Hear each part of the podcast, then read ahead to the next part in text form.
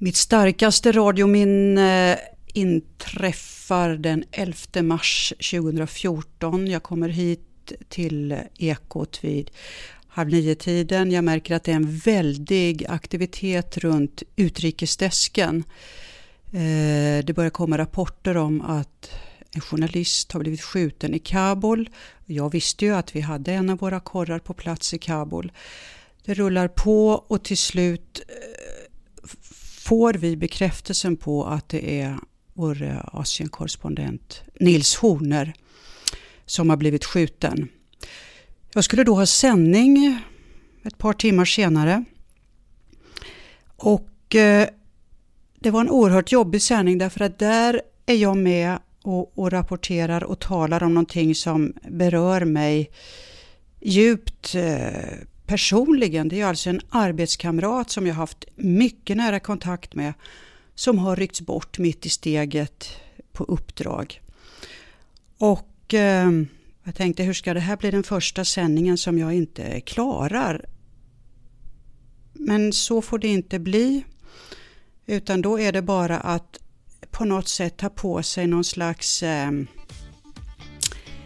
eller sätta någon slags tunnel framför ögonen eller hur jag ska uttrycka Nu ska du rapportera det här på ett absolut bästa sätt. Du måste ha absolut bäst tonläge, använda de exakt rätta orden.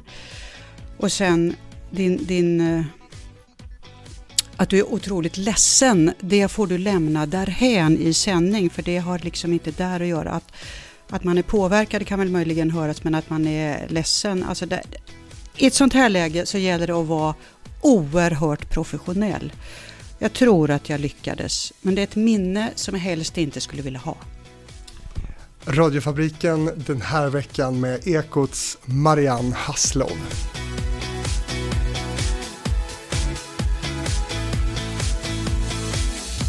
Eh, vilken start! Eh, ja, det är en jobbig start på den här podden kan vi säga. Och en jobbig start för, för din dag. Hur, hur, hur nära var du Nils Horner? Alltså vi var ju, vi var ju arbetskamrater under ett antal år och eh, Nils var ju ständigt på resande fot så att eh, det var inte så ofta han var i Radiohuset men på somrarna var han ofta här och jobbade på Studio 1 och så vidare. Och då, det var så roligt att träffa Nils. Det var lite fest och han kom i någon snygg linnekostym och han var ju känd för det där och sina välstrukna skjortor. Och så vänlig, han hade något vänligt att säga. Det var så roligt att prata med Nils. Men vad gjorde du den där morgonen när du bestämde dig för att jag ska klara av det här? Jag, ska, jag får lägga den, den ledsna delen av mig eh, åt sidan och gå in och göra ditt jobb nu. Alltså hur, hur tänkte du? Hur gjorde du? Jag pratade ju med kollegor innan och var ledsen tillsammans med kollegor innan. Kollegor som står mig väldigt nära och det, det var ett sätt att få ut en del eh, före sändning. Men sen är det ju någonting, jag har ju hållit på ett antal år. Eh, Hur många? Ja! eh, jag har varit på Ekot i 25 år. Men jag har jobbat med radio längre än så, men det kanske vi kan återkomma till. Nej men alltså sen är det ju någonting det här med gröna, när du går in i studion, gröna lampan går igång, då är det någonting som händer. Då är jag inte privata Marianne längre utan då är jag studioreporten på Ekot, Marianne Haslov. Och då, ja, då är jag bara, det är så himla svårt att sätta ord på det här men det är någon slags total skärpning, total koncentration, bara vara i det du gör. Tänk inte på att det är en, en, en um, kär arbetskamrat. Ah, det är svårt att förklara, men jag tror det har med jag tror det har rätt mycket med erfarenhet att göra, att jag har jobbat länge. Det hade varit svårt om jag kanske bara hade jobbat tre, fyra år. Hade det varit konstigt om du hade släppt garden i det läget? Jag tänker, eh, ja, börjat gråta eller på något annat sätt visat någon känsloyttring här? Jag tror att det märktes att jag var berörd, för jag, ja, eh, men, men jag skulle se det som ett misslyckande om jag skulle börja gråta, för det där tycker jag tillhör den privata sfären. Jag tycker inte att jag som professionell studioreporter ska gråta även om det är en, en kär arbetskamrat som har blivit mördad. Det är inte min sak att göra det där och då. Mitt första minne av dig är väl nog eh, detta med eh, din eh, trygga, stabila eh, stämma, trovärdiga, seriösa och det är ju någonting som ni på Ekot är väldigt kända för. Det är liksom något speciellt. Jag tänker på de här otroligt kända namnen förutom ditt då, Gunilla Hansen Bering, Per Edberg, Lisa Karlsson, Folke Vaccin, Barbro Nordvall, Tina Flodin, Lena Jornby, bara för att nämna ja. några. Va? Det är något speciellt, känslan av att, att uh, vara ett så eh, stort namn som har varit med så länge och levererat de viktigaste, tunga eh, nyheterna för svenska folket.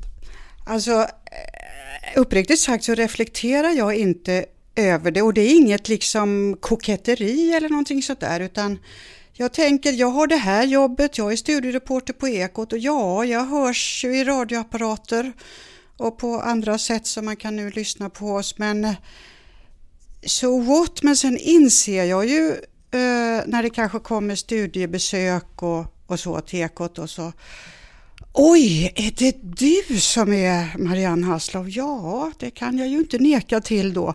Och så tycker de att det är jättehäftigt och då blir jag ju rätt generad faktiskt. Jag, har, jag vet inte riktigt vad jag ska säga och samma sak också med jag har ju massor av arbetskamrater som är runt 30-35 år och de kan ju säga det när vi börjar känna varandra att ah, var ju skitnervös när jag skulle komma till Ekot. Och, Marianne Hasslow ska jag? Oj, oj, oj, hur ska det gå? Men, eh, men jag tror att det går rätt bra. Ändå. Men som sagt var, det är, nej, det är inget jag reflekterar över så eller tänker att wow, här liksom. För ni har ju ganska intressant eh, jobb på det sättet för att ni är så otroligt kända, era röster är väldigt välkända, era namn är väldigt välkända. Men man vet inte så mycket om er. Nej, just det, det är det som är fördelen. Att man kan ju kanske vara lite annorlunda emellan sändningarna. Mm. Och där kanske jag är ja, rätt annorlunda. Ja, hur är du mellan sändningarna då? ja, alltså jag är ju ganska, jag tycker det är kul att skoja. Jag är ganska liksom sådär eh, snabbtänkt och kan associera snabbt och gör det gärna högt och gärna. Det kan bli lite stimmigt och pratigt runt mig ibland. Men eh, jag liksom tycker att det är, det är också en ventil för att man håller på med så mycket annat. Då är det en ventil liksom och, och vi är många som är så på ekojouren som vi säger där alla producenter och, och studioreportrar sitter. Vi, vi, är många som är och håller på och tramsar och tjafsar och har väldigt roligt. Och jag har ju hört ibland av eh, ja, vikarier och andra som kommer hit att de Men Marianne, du är ju som eh, två personer. Du håller på och skojar och har det och håller på här ute på jouren och så går du in och kör lunchekot och det är det ju hur seriöst som helst. Alltså det, ja, jag förstår inte riktigt. Och det är en ganska bra beskrivning. Men det är någon slags eh, rå jargong ni har egentligen här på, på, utanför studiolokalerna? Det kan, det kan bli rått, ja, och som det ju blir på många arbetsplatser där man jobbar tätt ihop. Jag kan tänka mig på en eh, akutmottagningen på ett sjukhus, eller ja, det vet jag för jag känner folk, alltså där är det också väldigt rått. Jag tror det är det inom alla där man jobbar tätt ihop och där man också av och till utsätts för press. Vem har du mest roligt med? Ja, man ska väl inte nämna någon speciell. Men, jo då. Ja, men då säger jag att när Per Edberg och jag jobbar ihop, då, då har vi väldigt roligt. När Katarina Boive, en annan känd radioröst, jobbar ihop har vi väldigt roligt. Daniel Klar, en annan som Alltså vi slänger väldigt mycket käft och det blir ganska galet ofta. så det, ja. Jag tycker det är jättekul att höra det här för att jag har jobbat på Sveriges Radio i 11 år någonting och har jobbat mycket på samma våningsplan och går ofta förbi då den här ekojouren som du beskriver där vi sitter nu alldeles intill. Eh, och eh, ja, nästan, alltså, det är nästan så att man går med lite vördnad förbi här för att, för att ni, är, ni ses ju eh, som väldigt seriösa och, och, och, och sådär och det är ofta ganska tyst när man, man går förbi eh, jouren här och sådär. Så. Men det var kul eh, bild att få, en annan bild. Då måste du ha gått förbi när inte jag har varit där. ja, nej men alltså du säger att det är tyst när du går förbi och det jag kan ibland alltså, tycka att det nästan är för tyst. För mig ska en redaktion låta inom rimliga gränser naturligtvis, för folk ska ju också kunna jobba, men det ska låta på en redaktion. Det ska inte vara tyst. Jag står ju inte ut och jobbar i tysta rum och ensam. Jag klarar inte det. Då är väl en nyhetsdesk perfekt för dig? Mm, det kan ju vara därför som jag har jobbat i 25 år. Just. Men jag var chef en kort period för studioreportrarna och hade då eget rum och jobbade måndag till fredag och hade alltså inga sändningar. Ja, det blev en period på nio månader men sen, sen gick det inte mer. Inte ens ett år? Nej, det blev inte ett år. Nej. Vad var det du saknade? Nej, men jag saknade ju jag, fram, allra, allra mest sitta i sändning och sända direkt som vi gör med alla våra nyhetsprogram. Och den här gemenskapen på jouren. Ni som jobbar på Ekot har ju en otrolig trovärdighet. Det känns som att eh, den bilden man har utav er är ju att ni minst läser eh, 10-12 eh, tidningar, gärna på massa utländska språk och har otrolig koll på eh, Nord och Sydsudan och allt sånt där som man själv kanske inte riktigt känner sig så insatt i. Då undrar jag, hur ser dina mediekonsumtionsvanor ut Marianne Hasslav? Ja, eh, jag lyssnar på Ekot, jag lyssnar på Studio 1, jag lyssnar på P1 Morgon, kanske inte hela P1 Morgonen, men jag lyssnar på då, ja, stora delar. Och sen läser jag ju eh, via nätet då, de stora morgontidningarna. Jag är också inne på kvällstidningarna. Ja, men alltså jag håller mig ju informerad i största allmänhet. Jag går väl in och tittar, ja, BBC naturligtvis följer jag. Och så har jag säkert några andra appar på tid, utländska tidningar som jag just nu när du frågar inte riktigt kommer ihåg. Men sen ska man ha klart för sig att på hela Ekot så finns det en enorm samlad kunskap som ju gör att du kan ju, du kan ju alltid gå till någon kollega och få en information eller en kunskap som du själv inte har. Och det är något helt otroligt vad som finns samlat här. Som kan Nord och Sydsudan och så? Som kan Nord och Sydsudan, som kan Ja men ta inom inrikespolitiken som kan, jo men du vet det var den där förskjutningen då, då, då, då var det det som hände och sen gick det tillbaka till det när jag kommer ifrån, men hur var det med det där? Så får man en liten bra föreläsning helt enkelt som du har nytta av. Du lägger in det i banken i skallen liksom och så plötsligt så visar det sig att ja, ja men det där hörde jag ju då, det berättade de ju för mig, den kollegan. Så har jag användning av det, det är helt otroligt. När kollegorna kommer till dig då och frågar saker, vad brukar de fråga dig om? Ja, men då kan de fråga om språkliga grejer, de kan fråga om eh, påannonser, hur man, det är ju mycket det som är mitt jobb, liksom, att paketera en sändning. Och de kan fråga om uttal av olika saker. Jag är väl lite sådär halvt om halvt självutnämnd eh, expert. Språkpolis alltså? Ja, det var du som sa det. Men ja, alltså för jag tycker nämligen att det där hänger ihop med trovärdighet. Eh, det får inte bli hur slafsigt som helst i ekot, utan det är viktigt hur vi uttrycker oss men det handlar inte om att vi ska uttrycka oss på någon slags officiöst språk eller något skriftspråk utan vi ska ha ett vårdat talspråk och vi är också medvetna om att språket är levande materia och naturligtvis utvecklas. Men vi talar ju till örat hos människan, vi talar inte till ögat utan det är, det är så man måste tänka att det är någonting som ska gå in i örat. Och då får man uttrycka sig på ett visst sätt.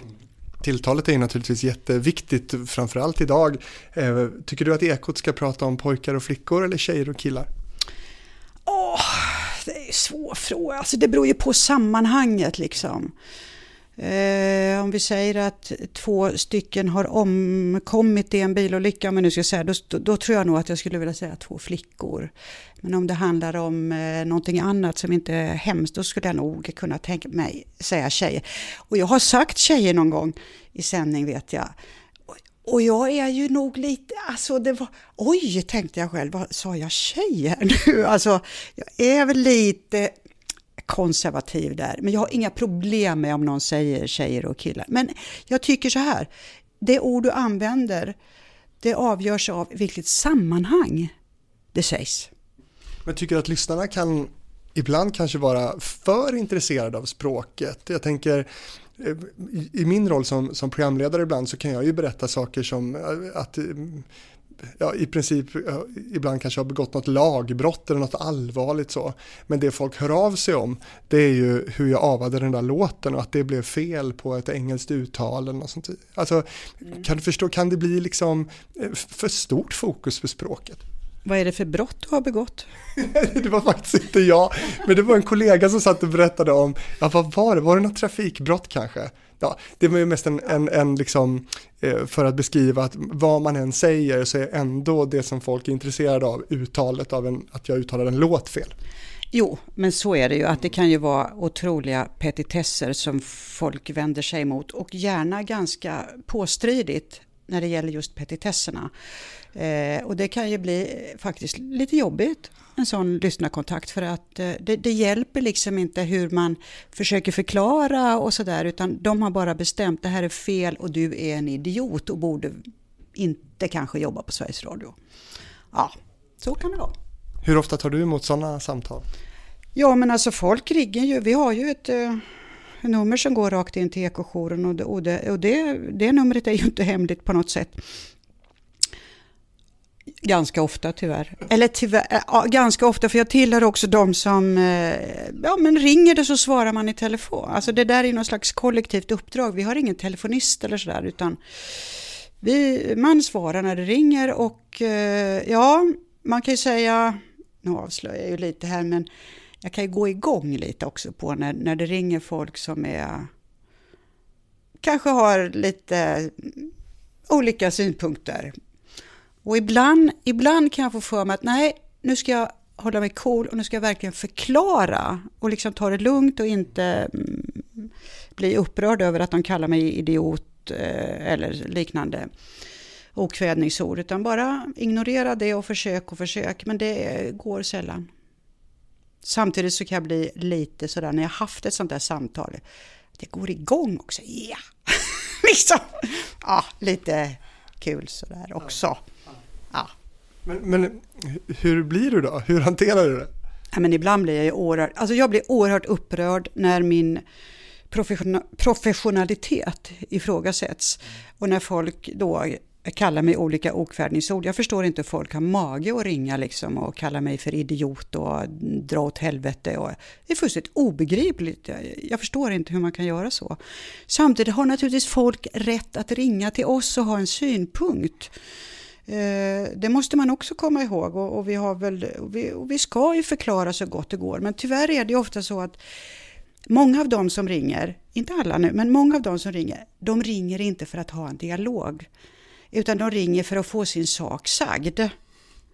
Och så är det liksom inte mer med det. det. Det kvittar liksom. De har bestämt sig från början mm, hur det är och hurdana vi är och vad vi tycker och vad vi inte tycker.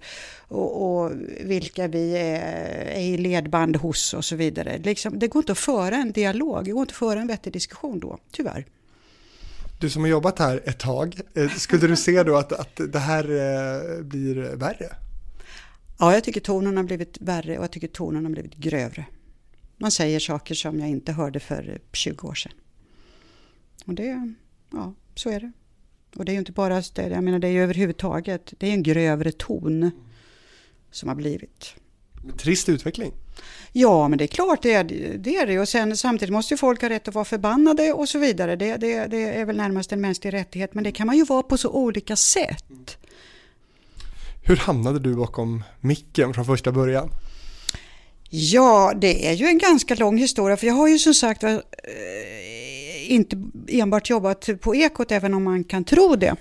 Eh, utan min radiokarriär, om jag så får säga, den startade på Radio Gotland, eller P4 Gotland som det heter numera, 1980. Herregud, det är jättelänge sedan. Ja, vi struntar i det nu. Men i alla fall, jag jobbade på en, en tidning där då, eh, hade fast tjänst där, trivdes inte riktigt bra, började prata med kamrater som jag hade på, på radion. Eh, så sa de, ja vi har ju ett vick här på två månader. Jaha, sa jag och lät jätteintresserad och sa, men Marianne, du är inte klok, du har fast jobb på tidningen. Vi har ett två månaders vick här på radion, vi har ingen aning om hur det ser ut sen. Äh, bryr, bryr, bryr jag mig inte om. Ja, jag söker det här eh, vicket och ja, jo, men det, det får gå som det går. Jag får väl göra något annat eh, sen, lite sådär. Ja, och så fick jag vicket och ja, på den vägen är det. Så hamnade jag. Jag har ju gått Journalisthögskolan i Stockholm mm. en gång i tiden. Eh, och då var jag överhuvudtaget intresserad av att, jag, var inte intresserad av att jobba med radio. Jag lyssnar naturligtvis på radio, det har jag gjort i hela min uppväxt och så. Men inte, jag ville skriva, skriva i tidningen, det var min grej. Och det gjorde jag då under fyra år. Men vad var det som drog dig till micken då på, på P4 Gotland när du hade ditt tidningsjobb? Eh, jag tror att jag liksom anade att det där att eh, det där med direktsändning. Jag tror att jag anade att det där kunde vara någonting för mig möjligen. För det är det jag, jag var ju också reporter där och lite annat, men det var det här att sitta äh, den här gröna lampan och nu är det här och nu och det är nu det gäller. Det är nu, det är inte sen, det är nu det gäller. Att jag kunde ana att det där var någonting. Och, men det är lustigt att det fortfarande, liksom efter alla dessa år, att det, jag kan inte sätta ord på det heller, men det händer något när gröna lampan går igång. Nu kommer jag tänka på, visst är det en svensk grej det här med grön lampa? Eh, eh det kan det vara Jag tänker att det, i andra länder får man röd lampa när det är sen. Jo men du har det kanske du har rätt i. Jag har ju varit och sett någonting. Men det är lite konstigt för rött är ju ändå internationellt som ett stoppsignal och grönt är kör på. Det är ju ändå så i så fall är det ju Sverige som har valt rätt färg tycker jag. Hade inte klarat det där med rött. Nej. Och sen eh, kom du då till P4 Gotland och vad ja, hände därifrån?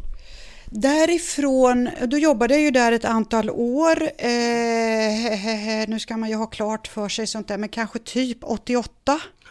Det här var alltså innan det blev egen kanal, så då sände vi ju i fönster morgon, middag och kväll i P3. Sen flyttade jag och familjen till Stockholm. Sen hade jag ett vick på, här på Ekot som studioreporter för det var ju liksom hit jag ville. Eh, ett vick då, vad det blev, måste ha blivit vårterminen 89 och sommaren. Men så blev det inte fortsatt vick, vilket eh, jag tyckte var väldigt tråkigt. Men då hade jag under sommaren blivit kontaktad av någonting som heter Reportagebyrån. Det fanns då, det var de lokala kanalernas redaktion i Stockholm. Vi jobbade mycket mot eh, riksdag, riksdag, regering och de statliga verken och hämtade nyheter där och kunde göra jobb på beställning från en station om någonting i Stockholm och, och så vidare. Då var jag redaktionssekreterare hette det, var jag där. Det låter ganska kul. Ja, det var väldigt roligt och väldigt roligt att ha den här kontakten med alla ute på, på stationerna. Mm. Ja, sen slogs ju, när det nu var 92, 93, så slogs ju dåvarande LRAB, alltså Lokalradion Aktiebolag och Riksradion som det hette, det slogs ju ihop till ett bolag, nämligen Sveriges Radio. Så, ja, lite historia. Och då flyttade vi som redaktion upp hit till Radiohuset. Vi höll ju till i, i Stockholm då på Skelegatan, där, eh, Pipersgatan, förlåt, där Radio Stockholm låg på den tiden. Då flyttade vi upp hit till Radiohuset. Och då fanns det ingen P4-organisation här, så att vi hörde organisatoriskt, men enbart organisatoriskt, till Ekot. Men sen började jag ju höra i egenskap av chef att det var P4-organisation på gång och då skulle vi höra dit, bla bla bla. Tänkte jag nu jädrar gäller det att smida medan järnet är varmt. Så jag kom, eh, gick helt enkelt och pratade med dåvarande personalredaktören på Ekot och sa så här är det, jag vill, jag vill börja jobba som studiereporter på Ekot. Ja, och då blev det så. Och nu sitter jag och funderar på, har du liksom nått liksom högst upp i näringskedjan? Vad finns det för utvecklingspotential för dig som, som studiereporter och liksom programledare? Jag har ju fullständigt stannat i utvecklingen efter, ja, jag, jag kör ju på. Men om jag ska ta lite seriöst, alltså på något sätt. Det är ju så här att jag hoppar in då och då som programledare på Godmorgon världen. Det har jag gjort sedan, vad är det nu, dryga tre och ett halvt år. Och det har jag känt att det har varit, det är ju, det är ju det tillhör ju också Ekot, Godmorgon världen, men det är liksom på helt andra sidan av eh, nyhetsrapportering. Jag menar, jag jobbar ju rätt hetsigt och, och, eh, och så vidare där inne på Ekojouren, men på Godmorgon världen där är det ett två timmars magasin som går på söndagen.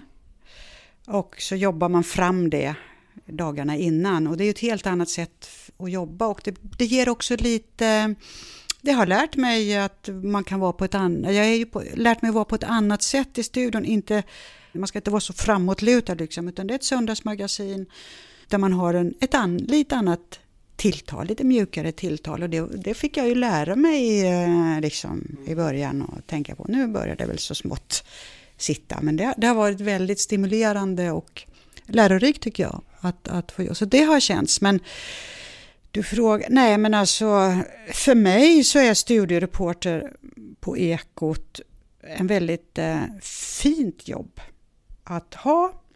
Jag är, jag är jätteglad att jag har eh, några år till det jobbet. Och, och, och eh, jag menar det, det har varit en karriär för mig. Men utveckling, ja man får väl hoppas att man gör det lite av och till liksom att det går framåt, att man inte stelnar. Det är väl det, att man inte stelnar i vissa maner och sånt där uh, tråkigt. Så att lyssnarna tänker, ja, ja, ja, nu är det Marianne Hasslöf, ja just det, hon säger alltid sådär. Det där får man passa sig för och liksom tänka på. På tal om utveckling då, så, så är det väl också så att Ekots sändningar eh, har utvecklats och måste nu också utvecklas, för ni är inne i ganska många sådana här utvecklingsprojekt i hur ni låter? Det kan man säga, man kan bli lite matt nästan. Det är mycket utveckling. Och det, det stora som är, är ju att vi har nu det här live-laget som ingår i ekoredaktion, SR-ekot också. Alltså de sänder extra på, på webben och i appen eh, och kan göra det liksom på tre minuter så reser de sig och så går in och sänder. Så att vi har ju blivit otroligt mycket mer snabbfotade när det gäller sånt. För förr i världen, om jag kan säga så, när det var något stort och Ekot skulle sända extra, det har jag gjort flera gånger själv. Det tog ju mycket lång tid innan vi lyckades komma ut för det var ju en otrolig byråkrati för våra chefer att kontakta andra chefer på olika kanaler och det var väldigt, väldigt jobbigt innan vi var igång. Vilket Sveriges Radio har fått en del kritik för också. Absolut. Rättmätig kritik. Så, att, Eh, så det är ju ett stort, och där, jag menar, där följer vi ju utvecklingen, jag menar alla andra gör ju också så. Det är så viktigt att de som lyssnar på någonting som har med ekot att göra, de ska veta att eh, trovärdighet och, och, och relevans och så vidare, det är våra absoluta kännemärken och det, och det måste vara och det går fort att rasera sånt. Det tar lång tid att bygga upp men det går fort att rasera det. Och det är någonting man måste ha i åtanke. Är det finare att jobba och höras i P1 än P4? Absolut inte. Och där är jag, jag, jag kan ibland höra inne på min egen arbetsplats lite att ja, ja, ja, det där, ja men det där passar bra i P4. Det är lite sådär lite enklare och då blir jag fullkomligt vansinnig. Då kan jag säga att jag kan bli lite högljudd och undra vad liksom man har för syn på P4-lyssnarna. Men, så jag tycker inte, och det är, ingen egentligen, det är ingen av mina kollegor heller som tycker att det är finare att jobba på P1 än P4. Liksom and, det är andra som möjligen kan tycka det, men vi tycker ju inte så. Det, det är fan, det, oj. Nu gjorde jag det man aldrig ska göra i radio och svära. Men alltså det är fullständigt bisarr tanke att vissa lyssnare skulle vara finare än andra. Vad är det för syn på människan liksom? Ja, det är jättekonstigt, men, ja. men det är ju i P4 ni har er största publik dessutom. Absolut! Vi har vår gigantiskt mycket större publik i P4 så att eh, är det någon, någonstans det är fint så är det väl där om man ska se det utifrån det perspektivet. Ja men eh, är det så på desken? För jag tänker jag pratade med någon, eh, eller en studiereporter hos er på, på Ekot för några år sedan som gjorde väldigt många av de här korta morgonsändningarna i, i P4. Jag ska inte säga hans namn men han heter Egon. Eh, och han, han nämnde just det här med att, att han kunde gå in i, i sin självkörarstudio här och, och göra de här stora sändningarna men eh, upplevde kanske liksom att det var inte så många som brydde sig om det kontra då de här fina längre sändningarna i P1. Om vi tar bort det där med ordet fina och inte så, så, så, så tror jag nog att man kan säga, nu, nu måste jag bara säga att jag byter bort mina morgnar numera, så jag jobbar inte på dem. För jag, ja. Men jag hör ju av mina kollegor som säger detta, att det finns, det händer, ja det är liksom in, in, huvudfokus ligger på P1-sändningarna. Mm. Och att de får slita rätt hårt, de som jobbar med P4-sändningarna. Och de gör det skickligt men de får slita hårt för att, för att det ska bli bra där också. Men varför är det så? Alltså det är något som konstigt i väggarna att det liksom är Kultur. P1. eh, Ja, det, ja som, som, som bryts ner eh, väldigt, väldigt sakta. Man, säger om sånt där radioaktiva ämnen har lång nedbrytningstid. Det är väl något liknande som, som, som är här tror jag att det eh, har blivit så. Hur ofta säger du fel i Ekot? Ja, det eh, händer ju att jag gör det. Och i Godmorgon världen i söndag så råkade jag säga tisdag istället för fredag. Men det, jag visste att det var fel så jag rättade mig snabbt. Men sånt där grämer mig ett tag. Nu menar inte jag egentligen sådana språkliga små missar utan mer så här faktamässiga fel. Alltså, det har jag säkert gjort någon gång utan att att jag kommer ihåg det, men jag får väl skylla på att då har jag väl fått felaktiga uppgifter från, från report. Nej, så ska jag inte säga, men det är klart att jag har gjort det, att jag har förväxlat något eller så att det har blivit fel. Det är ju klart, jag är ju inte mer människa trots allt. Men får, hur ofta händer det att ni får just rätta saker som ni har sagt fel i Ekot? Det händer ju då och då. Det, det, gör det ju, det gör det och det är ju, det är ju inte bra. Det är ju inte bra när man har sagt någonting som man måste rätta och det, det ska ju egentligen inte ske men jag tror att det skulle vara konstigt om det aldrig skedde. Då, då, eh, alltså en, mänsk, en verksamhet där människor är inblandade, det blir det fel ibland. Och då rättar man och det ska man göra ordentligt och, och tydligt och klart för det tror jag är mycket bättre för trovärdigheten den här trovärdigheten då, eh, ni har ju otroligt hög integritet eh, för att skydda både Ekots och Sveriges Radio så er egna trovärdighet i nyheterna. Eh, finns det några uppoffringar du får göra där för att, för att stå upp för den här trovärdigheten? Jo, men alltså jag köpte en ny cykel för ett par år sedan av en, på en affär som vi inte ska nämna vid namn, men en jättetrevlig cykelförsäljare. Och sen så sa han, du kan inte, och vi, ja, vi, vi fick någon slags kontakt där och pratade rätt mycket om eh, cykling och min cykel och sådär. Och då sa han, du kan inte jag få ta en bild på dig nu? Eh, som vi kan lägga ut på vår hemsida och sådär, att du har köpt en ny cykel och, och sådär. Och då hann jag tänka en sekund. Jag tänkte först, ja men det kan man väl ställa upp på. Och så nästa tanke, nej herregud, alltså med mitt namn. Då kunde inte jag göra det. Det var väl ingen uppoffring, men jag tyckte det var... Jag, jag, tyckte jag hade kunnat bjuda honom på det på något sätt. Men då tänkte nej, det, och det var en helt privat sak. Men jag tänkte, nej, det kan inte jag göra. För då gör jag reklam för ett visst cykelmärke och det är uteslutet. Eh, jag passar mig väl lite om någon vet vem jag är men som jag inte känner liksom kan jag väl ändå... att jag får tänka på lite vad man säger. Men det, jag tycker inte att det är någon uppoffring utan det jag jobbar på ett public service-företag, jag har den roll jag har. Jag är väl eh, eh, ett ganska känt namn. Ja, men då, får, då, då är det ingen uppoffring, det är så det är. Jag, tycker det, för jag vill också vara med och bidra till trovärdighet. Jag vill inte vara med och bidra till sänkt trovärdighet. Eh, hellre för försiktig än tvärtom. Du, journalistik det är ju eh, i allra högsta grad en bedömningssport. Eh, och eh, i just bedömningar så händer det ju att man inte alltid har samma åsikter. Och hur mycket präglas dina jobbdagar här av eh, journalistiska eh, diskussioner eller konflikter eller så, vad ska man säga? Det förekommer kan jag säga ganska ofta. Eh, men det är ju inte konflikter utan det är ju mer att jag ger uttryck för min åsikt eh, och den brukar ofta vara väldigt tydlig och klar. Eh, men det, det blir ofta rätt roliga diskussioner och nyttiga diskussioner när det gäller just här, liksom nyhetsvärdering och vad är det här egentligen och, och, och, och så.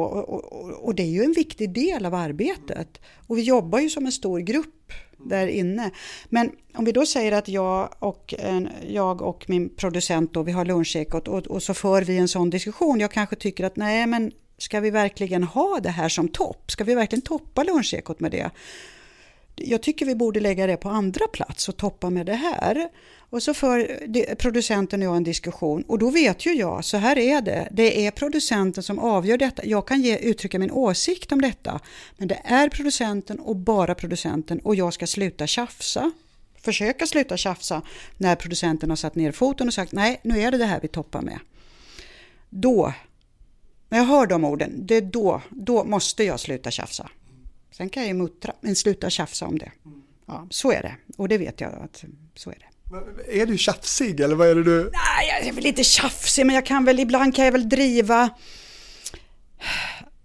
min åsikt lite väl länge och långt. Det är jag medveten om att jag liksom inte riktigt inser att nu är enough is enough. Jag vet vad du tycker Marianne, du behöver inte säga det tre gånger till. Har du svårt med auktoriteter?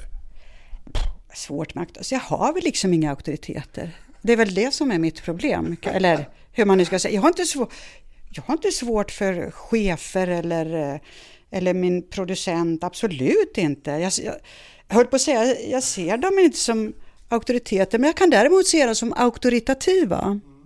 Jag är väl lite lagom respektlös, kanske. Ja, men det där är ju viktigt, de här diskussionerna är ju viktiga och kan vara intressanta och roliga. Jag personligen tycker att det är lite jobbigt med sådana där eh, diskussioner eh, och kanske därför jag inte vill eller tänker jobba med, med nyheter just. Eh, det finns en ganska utbredd åsikt i, i Sverige om att, att, journalister är vänster. Hur trött är du på att höra om det? Eh, trött. Därför att eh, det enda som räknas är om vi är professionella i vårt yrke, så är skitsamma vad vi har för politisk uppfattning. Det är professionaliteten som räknas. Och jag tycker inte man har kunnat visa i vårt utbud att vi skulle stå på ena eller andra sidan. Ja, men det hör ju vem som helst ja, att ni... Just det, och det där är ju ett väldigt välgrundat argument, måste jag säga. Mm.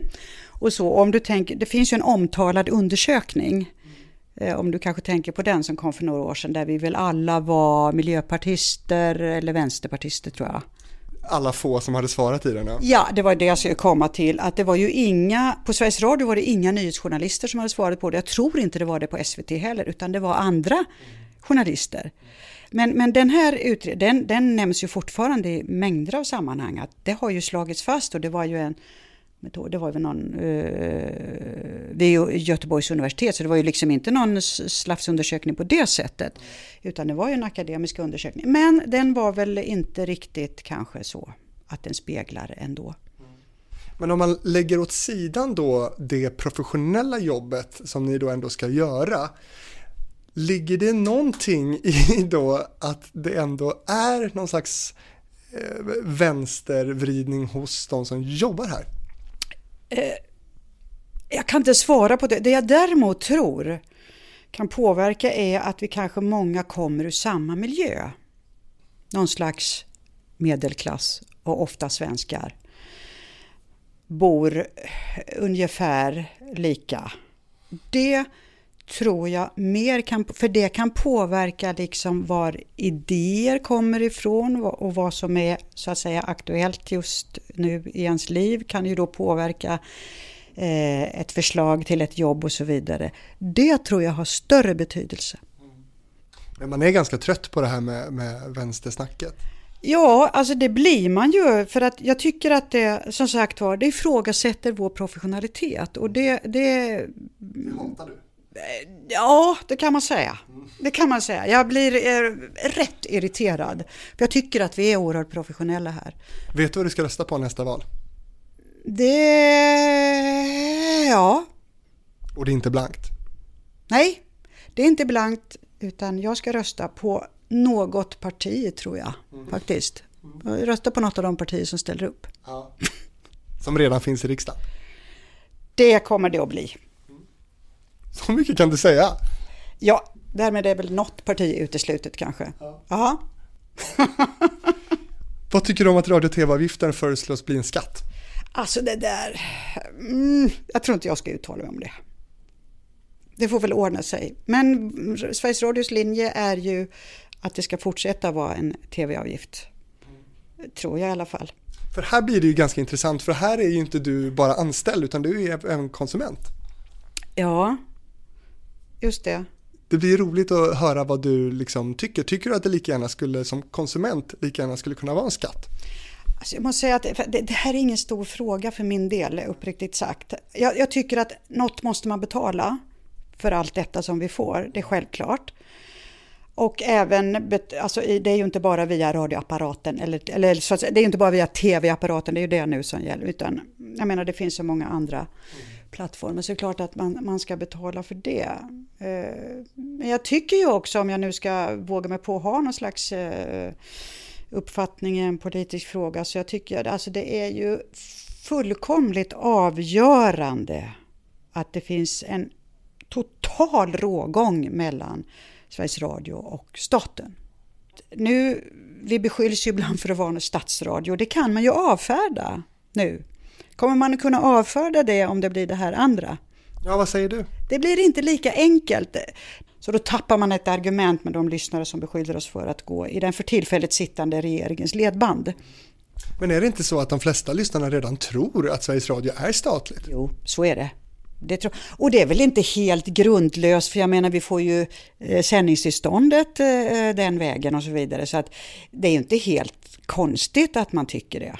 Det, det. det, tycker jag inte men det är lite sådär att det är lite, man vill inte höra det sägas. det är så. Men jag förstår att, att man tycker så. Hur mycket påverkar du, Marianne Hasslov, vad som hörs i Ekot skulle du säga? Jag kanske inte påverkar så mycket vad som hörs utan mera hur, skulle jag vilja säga. Faktiskt.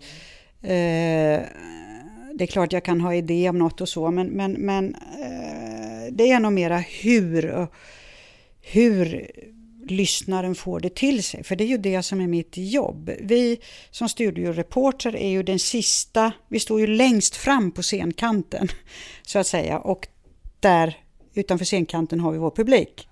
Så vi är de allra sista i den här långa, långa produktionskedjan.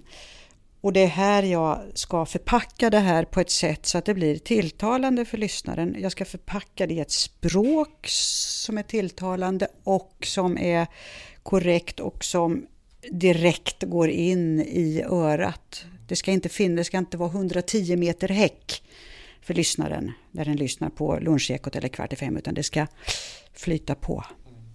Det är min uppgift. Hur ofta blir du igenkänd för din röst eller ditt namn? Eh, inte så jätteofta. Det var för något år sedan jag skulle åka med eh, båtbussen ner till Gotlandsbåten i Nynäshamn och då så började jag prata med han som kollade de där biljetterna och så bara tittade han på mig. Men vänta här nu, säger han. Vänta här nu, vänta här nu. Ja, så jag tänker gud, vad är det liksom? Är det något med min biljett eller? Nej men är inte det här Marianne Hasslov, säger han. Jo, sa jag, det kan jag inte. Ja, åh, vad roligt att träffa dig och så. Ja, det var lite kul. Men det är inte särskilt ofta. Men namnet, mer om jag liksom kanske lämnar fram min, ja, man lämnar sitt ID eller någonting sånt där. Jaha, är det du som är på radion va? Mm. Ja, lite då och då, men inte så ofta. Har du några fördelar av att du är så känd? Det tror jag inte, det kan jag väl inte påstå. Men heller inga nackdelar. jag tycker det är rätt skönt. Ja. ja. Har du testat det någonting, boka bord och sådär, det är inga problem va? Nej men alltså, nej men antyder du att jag utnyttjar min ställning på något sätt eller? Nej, du måste ju använda ditt namn när du bokar ja, bord. Jag kan ju gärna inte boka det i någon annans namn, men jag har ju, ibland räcker det med förnamn ser du. Ja, just det, ja det är jättebra. Mm -mm. När du sitter då på, på en middag, vad möter du för liksom, reaktioner på att du är Marianne Aslov på Ekot? Jo, men det, det är eh, att det är världens glassigaste jobb att jobba på Sveriges Radio, att vi har skithöga löner och, och, att man träffar en del som inte har så noga koll kan ju tro att man får träffa massa kändisar och att det är jättehäftigt och så och riktigt, eh, ett glassigt jobb eh, eh, kanske är fel att beskriva. Jag tycker att jag har världens bästa jobb. Eh, lönefrågan kan vi ju lämna därhen. För, ja, eller lämna, ja. Jag ska ju inte sitta och gnälla men ja. Många tror alltså att vi badar i pengar. Det kan jag säga att det gör vi inte. Men jag klagar inte, eller rättare sagt det gör jag, men eh, jag har i alla fall världens bästa jobb. Eh, om jag ska försöka vara lite allvarlig så tycker jag väl att jag är ju en av de personerna utåt. Och det är också så som chefer beskriver mig, att jag är ett viktigt namn för Ekot och så vidare. Man ska ju alltid jämföra sig med rätt. Det är klart att jag har inte en dålig lön jämfört med många andra i det här samhället. Jag har en hög lön jämfört med många andra i det här samhället. Så det är inte det jag menar. Men du tjänar ungefär 600 000 om året. Vi pratar inte om några som helst siffror. Men eh, det, vill, det, tycker inte jag att jag ska behöva göra. Men jag tycker att eh, om man räknar den erfarenhet jag har och den roll jag har här så tycker jag att, att det kunde vara lite mer. Vad hade du velat ha då? Nej, men jag vill inte prata siffror, Fredrik. Och eftersom du inte vill prata siffror så, så, lämnar vi det. Jag kan bara säga då att för Marias fall handlar det om ungefär 580 000 om året. Va? Har du tagit reda på saker nu också? Eller vad då? Vad är det där med 580? Vad är det för siffra? Det var din inkomst 2016. Eh, Jaha, ja, ja, ja, ni ser. Ja, ja, ja, nu kanske några som lyssnar tycker herregud, 580. Ja, men jämför med många, om jag hade jobbat på tidning med min erfarenhet eller någonting, då tror jag att det hade varit någonting annat. Det hade i alla fall varit högre än så. Okay. jag är avslöjad. Det är, ju av, det, är ju, det är ju offentliga uppgifter, det kan ju vem som helst ta reda på. Ja, ja, och jag är för offentlighetsprincipen. Även när det gäller mig själv. Det är väldigt viktigt med nyheter, för, framförallt för Sveriges Radio som är en beredskapskanal i Sverige. Eh, Sveriges Radio ska alltid kunna höras, det får inte bli tyst och man ska kunna lita eh, på vad Sveriges Radio säger. Hur mycket övar ni i sådana här eh, krisscenarier? Vi övade faktiskt. Eh, jag var själv och, och, och, och sände från hemlig plats faktiskt eh, tidigare i höst. Eh, så det gör vi, men eh, det finns också en studio på ett ställe som vi också har som en, om allting liksom skulle slås ut, en, en studio vi kan vara i här. Men det är ju en, en, första ställe, men om hela radiohuset eller skulle slås ut, då finns det då det här andra stället som man kan dra till. Men jag tycker ju att det här borde ju övas mer. För bara ta en sån sak. Hur ska vi ta oss till det här stället där vi ska vara, som alltså inte är Stockholm? Ska vi åka i Sveriges radiobilar märkta med stort SR och liksom bli bombade av någon som, som ska ta Sverige? Det är mycket sånt, alltså, för det kommer ju bli rätt bökigt och stökigt om något så stort, vilket Gud förbjude, skulle hända att vi inte kan vara här. Betyder det att du är någon slags här krigsröst utsedd av Sveriges Radio? Att det är Marianne vi ska höra när det, när det bränner till? Nej, vi, vi, vad jag vet har vi inte bestämt några sådana röster. Det var väl mer att jag hade ett sånt pass den dagen så att det passade att jag kunde göra, för det var sådana här korta, två korta pip, sådana här tre minuters sändningar. Så det, däremot när du snuddar vid det så tror jag att i ett sådant läge så tror jag det är jätteviktigt att ha eh, välbekanta och kända radioröster. Att inte ha någon som kanske bara har jobbat ett eller två år. Det tycker jag är självklart att man ska ha kända radioröster trovärdiga i ett sånt läge. Och du är beredd att dra iväg och, och vara den krigsplacerade Sveriges Radio-rösten? Jo, om det eh, skulle vara så, så det är klart att jag är det om jag jobbar kvar då. Jag har ju inte så många år kvar, tyvärr. Hur, hur länge ska du jobba? Jag tänker jobba till 67. Mm. Jag blir faktiskt 65 nu i vår. Mm, känns jättekonstigt. Det var, jag trodde bara alla andra som kunde bli 65 men inte jag. Ja, men ja, nu är jag där snart. Lite orolig för det nu, du kommer ju sakna den gröna lampan. Har du någon grön lampa hemma? Nej, men faktum är att jag har funderat på om jag inte skulle ordna till någonting och dra igång den då och då, faktiskt. För det kommer ju bli jättekonstigt, vet du. ja. Ett moment som jag tycker är väldigt roligt i podden det är när jag frågar om en, hur en vanlig dag ser ut. Ta oss gärna med, gärna i klockslag och eh, detaljer. Tack. Mm. Vi säger att det är en sån här dag när jag ska ha lunchekot och kvart i fem och kvart i sex, då börjar jag jobba halv tio. Då har, sätter jag klockan på sju och så är det förstås morgonekot, morgonekot 2 som jag lyssnar på. Sen går jag upp, då går jag rakt in i duschen Och när eh, bevattningen är avklarad så går jag ut i köket och så gör jag kaffe och sen så gör jag, eller gör, jag, har, jag är filomaniker. Jag älskar fil och äter alltid fil så fort jag kommer åt. Men även då morgonfil och så... Men, vad är det för fil? Finns det något ja. annat än vanlig fil? Ja, men, nej, men alltså det finns ju sån här yoghurt och sådana där moderna påfund. Nej, vanlig hederlig fil. Långfil? Nej, in, nej, vanlig fil, ing, inga konstigheter. Ja, och, och, så något sånt där gott på, mycket frukt på och så något sånt där äh, krispigt på. Käkar det. Ja, och sen borstar man tänderna. Och så, ja, samtidigt som jag lyssnar på Ekot så kollar jag ju i paddan då lite DN och, och lite annat sånt där mojsi som kan vara bra att ha koll på innan man kommer till jobbet. Och sen, sen går jag och har jag min cykel och så cyklar jag till min arbetsplats. Så går jag in på min arbetsplats. Går upp två trappor. Det är bara om jag jobbar helg jag får åka hiss. På vardagar måste jag gå. Varför får du åka hiss på helgen? Det är en liten belöning för att jag jobbar helg. Då får jag åka hiss. Nej, vardagar ska man gå. Man, det är viktigt att röra på sig.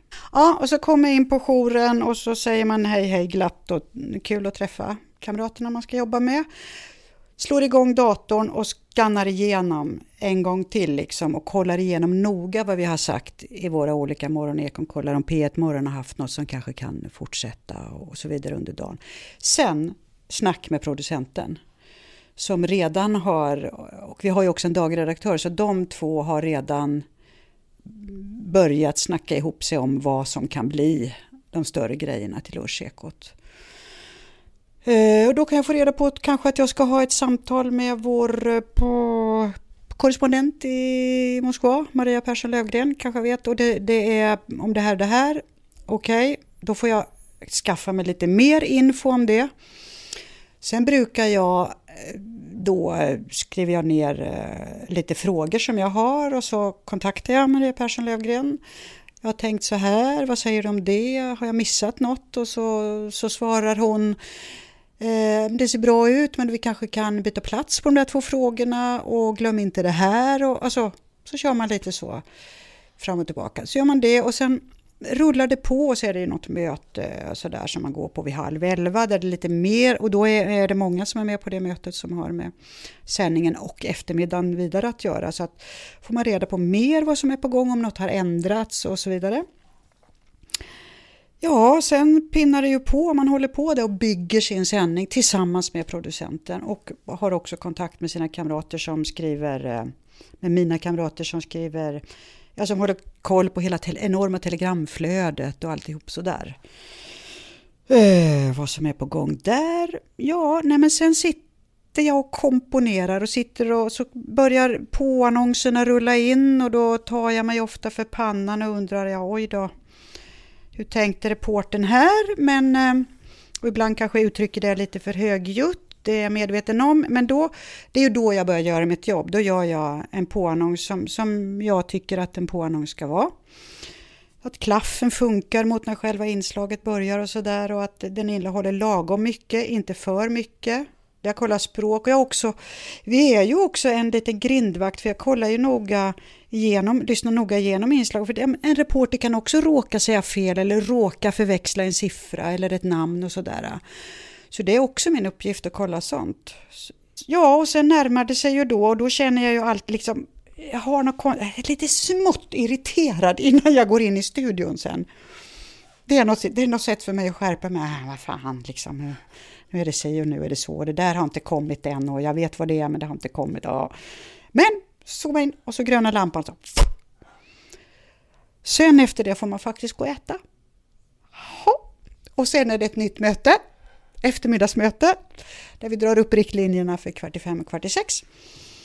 Eh, och sen är det liksom samma sak igen, så att säga som under förmiddagen, att man bygger tillsammans med producenten sändningen och inslagen kommer in och eventuella direktsamtal förbereds. Och det är väldigt roligt när det är direktsamtal, det gillar jag att ha, för det är här och nu.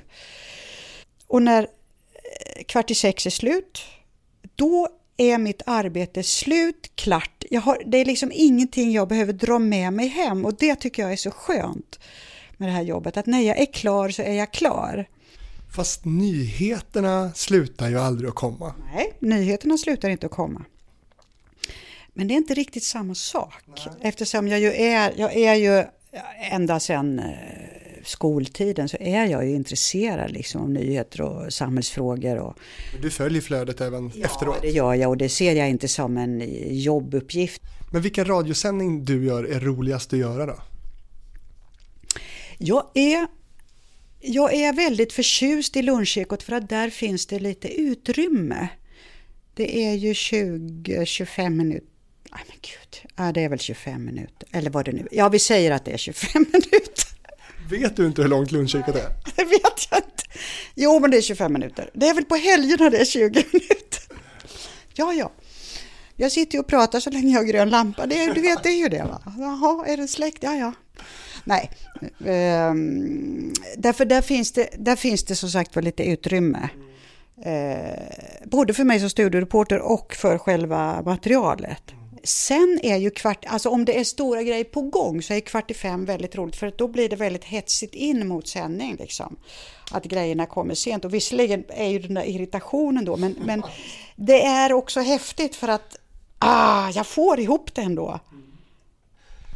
Du Marianne, fantastiskt. Jag gillar alla sändningar, jag gillar alla sändningar. Ja. ja, kvart i sex kanske är inte så jättemycket. Men du gör inte sådana såna här små korta sändningar?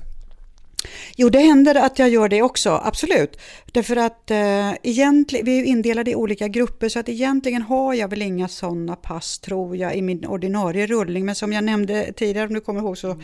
byter jag ju bort mina eh, månar med kära kollegor som gärna vill ha morgnar, så att det är perfekt. Mm. Och då blir det ju ibland att, för de eh, kan ha sådana pass då eftersom, ja, och då blir det att jag kan få så här pippass som vi kallar det att man har. Och visst, det är, ju, det är ju roligt för de har ju blivit eh, bättre och är bättre producerade nu för tiden och sådär och kan vara direktare där också. Men det, ja, jag gillar de längre sändningarna. Jag har inget emot att göra de här korta, men jag gillar bättre att jobba i de långa. Så är det. Marianne Hasslom, nu har vi suttit mer än en timme och pratat om dig. Hur, hur har det känts? Jo, men Eh, jag vet ju när vi hade kontakt eh, först du och jag Fredrik så, så, skrev jag någonting om att jag kanske inte är så van att prata om mig själv och du misstolkade mig som att jag inte ville vara med i podden, vilket var helt fel. Jag ville gärna vara med i podden. Det har varit jätteroligt. Jag har nog inga problem att prata om mig och mitt ändå va? det tror jag inte. Nej. Nej, jag tycker det har varit roligt och jag tror du kanske har lyckats fånga både vad jag tycker och vad jag står och vad jag mm, gör. Sen om någon annan tycker det är roligt, oh, det får vi se. Vi hade kunnat prata otroligt mycket längre ska jag säga. Eh, också. Eh, du som vill eh, höra av dig till podden får gärna göra det. Fabrikspost gmail.com är eh, adressen om du vill skicka ett e-post. Du kan också gå in på eh, Facebook och Instagram för att kolla bilder och rörligt material också. Eh, det är ju så, du som bara lyssnar på det här vet ju fortfarande inte hur Marianne ser ut. Nej, jag vet inte. Kanske ni ska vara glada för. Vi som jobbar på radion brukar ju säga att vi har radioutseende. Framför allt brukar det väl vara så att, att det aldrig brukar stämma den inre bild man har och den bild som är liksom på riktigt. Det är vad nästan alla säger som, som ser mig in person. Och då har jag ju alltid en standardreplik. När de säger jaha, jag, jag, jag, hoppas att du inte är besviken, säger jag då och fiskar lite. Oh nej, nej, säger de då. Ja. Marianne Hasslov, tack så mycket för att du var med i radiofabriken. Tack Fredrik, det var väldigt roligt det här.